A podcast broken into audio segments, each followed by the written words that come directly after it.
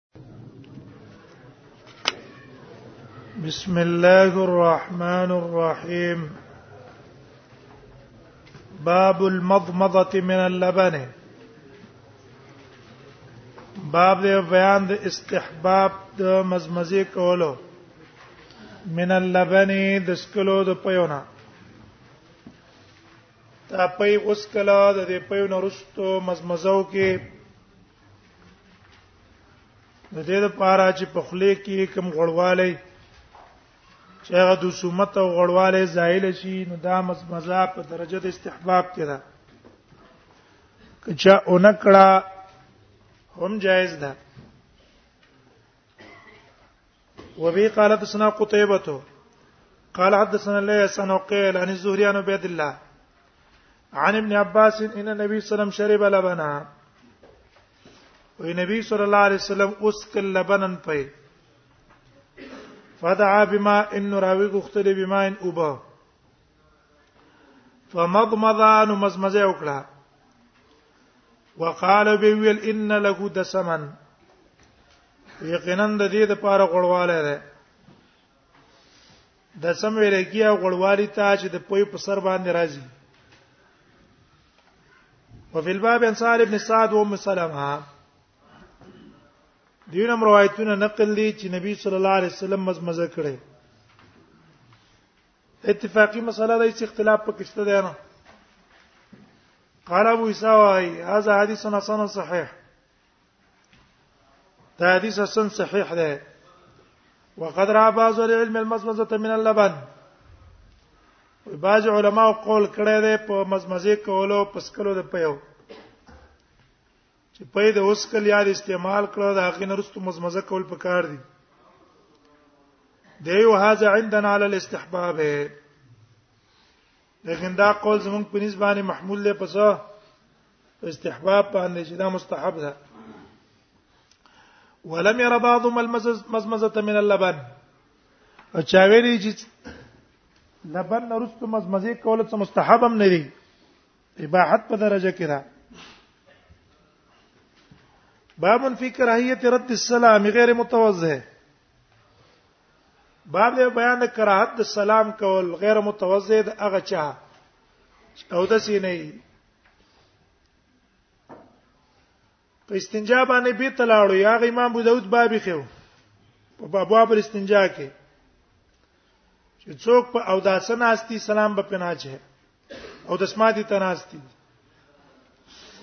نو داس په سلام به پنا چه او دا غیر پاره نبی صلی الله علیه وسلم وجه خو درې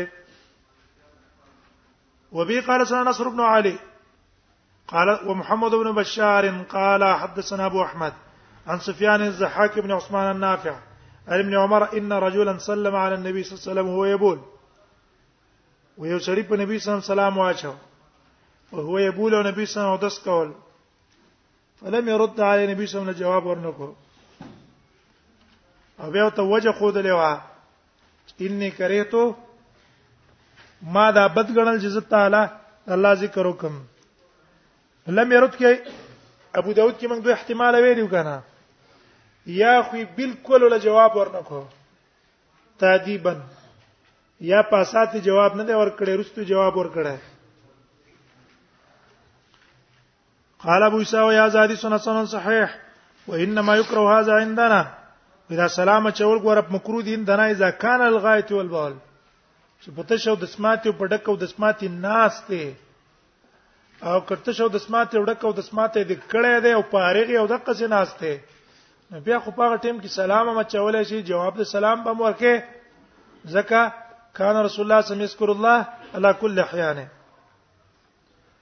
وقد فسر بعض العلم ذلك او بعض علماء تفسیر د دې حدیث هم دقه څه کړه ده وهذا احسن شيء او دا تفسیر څه ده دا ډیر ښه ده او روی فی هذا الباب وهذا احسن شيء روی فی هذا الباب او دا اخر روایت ته چې په دې باب کې نقل شوی هم په دې باب کې د مهاجر ابن قنفذ روایت هم ده ابو داود کې ویلو عبد الله ابن حنزله روایت هم ده علقمه ابن شفوا هغه روایت هم ده جابر او د برا روایت هم ده باو ما جاء فی سور الکلب تسبیح جټه څنګه ده په کاردار چې دا مصنف دا غبو ابو د میاه هوسه ذکر کړه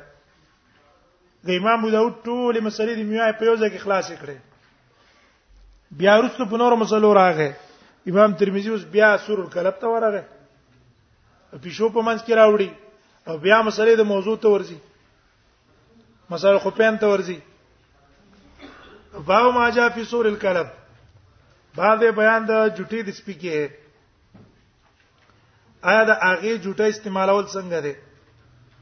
سمعت ايوب بن محمد بن سيرين عن ابي هريره النبي صلى الله عليه وسلم قال يغسل هنا اذا ولغ في الكلب سبع مرات انزل کی بلوخه کله چې خلپ کې سپه وې ابو داود کی تفصیلی معنا د علوغه مکړه لحسه مکړه لعقه مکړه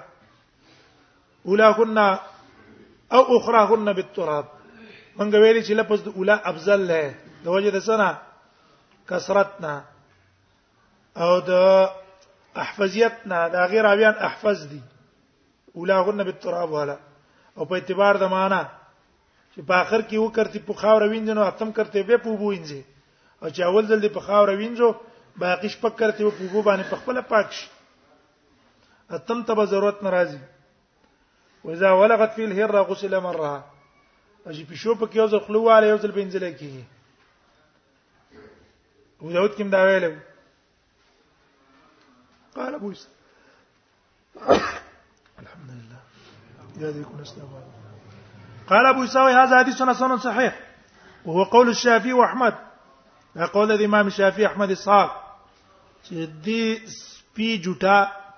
یو اختلاف پڅ کیو جوټه کیو کنه جوټه پاکه ده که ګنده ده دویم اختلاف هغه په لوخ انزلو کیو چې په څو پاکيږي دا قول د امام احمد امام شافعي او احمد او اسحاق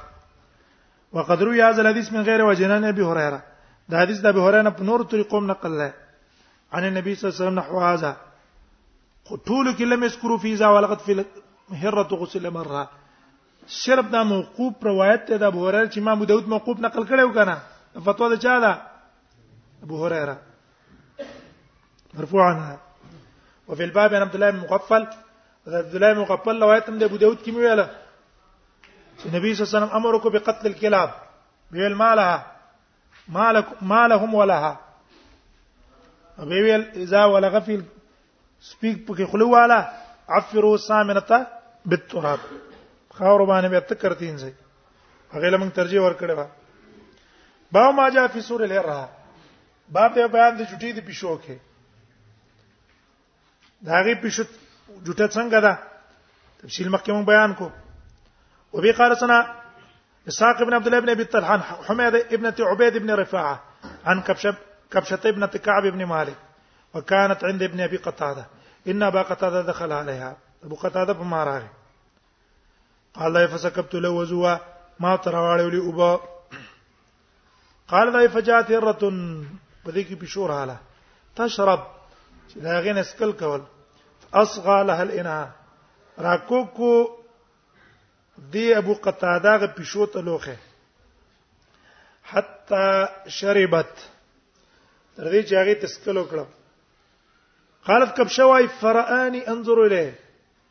ولیدل د مال را چې ما او ته قتل په نظر د تعجب فقال ما تویل تعجبین یا ابن تاخی ته تعجب کې یا ابن تاخی یو ریره خبره تعجب کې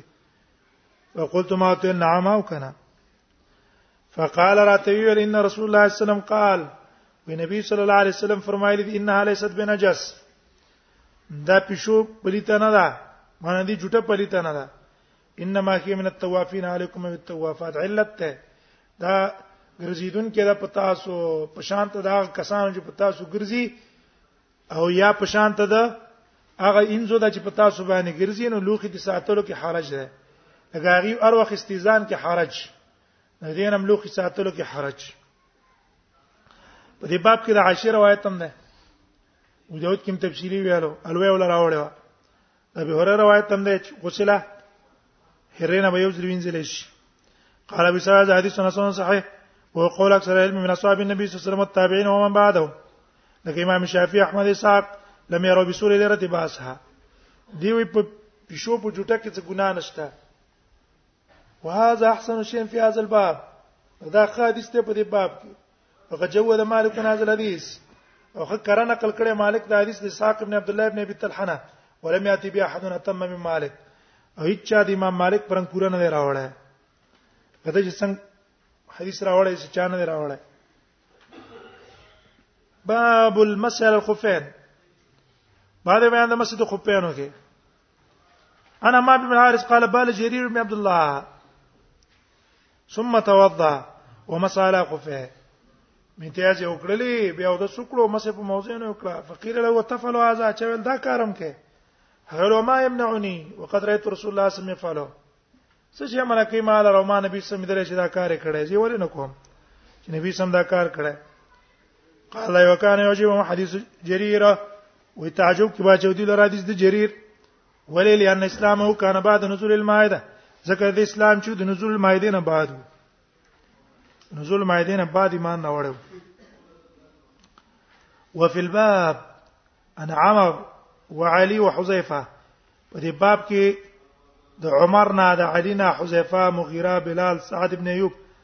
سلمان بريده عمرو بن اميه انس سالم سعد علي بن مره عباده بن سامت اسامه بن شريك ابي امامه جابر اسامه بن زيد د ټول روایتونه نقل لې چیرې نبی سم په سبانه مسه کړي موضوع مسه کړي قال ابو سواي حديث جرير حديث حسن صحيح زيد استه ويروى عن شهر ابن حوشب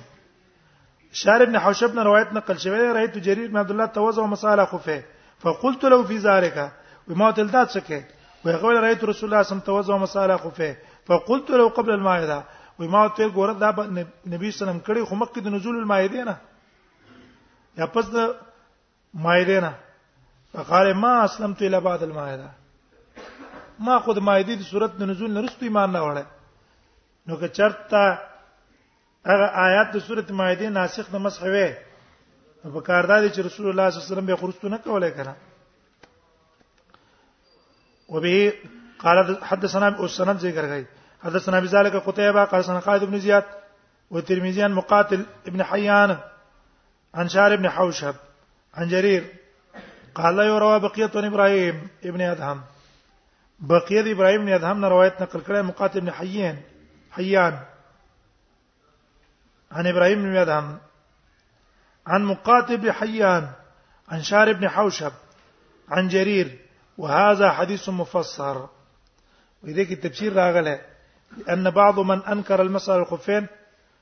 ځکه کم کسان چې د مصر خو پین نه منکر دي لکه د داودي ظاهري جی انکار کو کنه مصر خو پین قائل نو بعد نو تاول دا دی ویل چې ان مصر نبی صلی الله علیه وسلم خو خوارج نه مانی ان مصر نبی صلی الله علیه وسلم کان قبل نزول المائده مخکې د نزول الماء دی نه وذكر جرير في حديث ان نور النبي صلى الله عليه وسلم مسال خفين بعد نزول الماء ده نو جرير په کې دا ذکر کړه ګوره دا پس د نزول الماء دی نه ګوره صراحتن په قرال دا منسوخ نه ده باب المسال خفين المسافر والمقيم دا مغه مده ذکر کوي اوس هم تازه تازه ویاله چیرې موقته به وختن ده کنه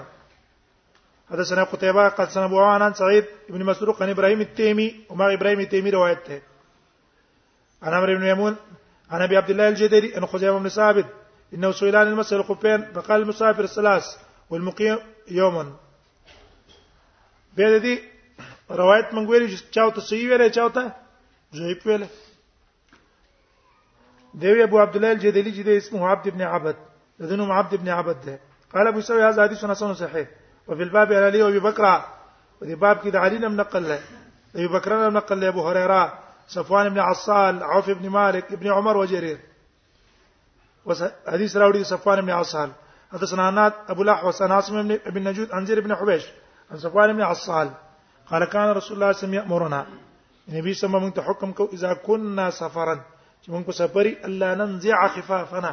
چې موږ بنو باسو خپل موزي کښتري نه غواړو ثلاثه ايام وليالي ان درې ورځې درې شپې الا من جنابه هم اگر د جنابت د وجنا کې شیطان در باندې غسل واړو او یا جما د وجنا باندې غسل واړو دنو به به وباسي دغه پای کې مسه جایز نه ده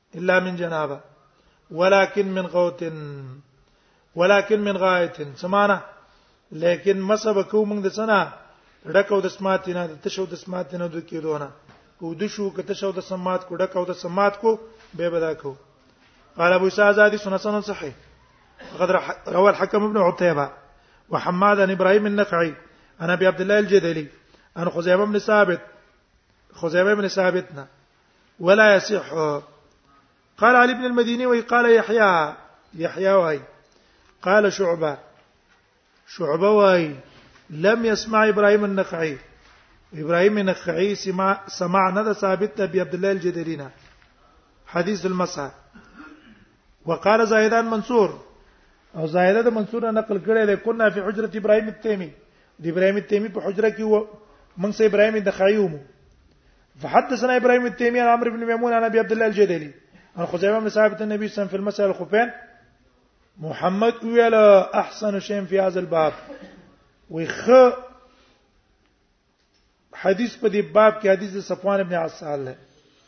اچ د ابراهيم التيمي کې اختلاف ده کنه قال ابو سعيد وهو قول علماء من اصحاب النبي صلى الله عليه وسلم والتابعين دا موقت به وقتن دا جمهور قول ده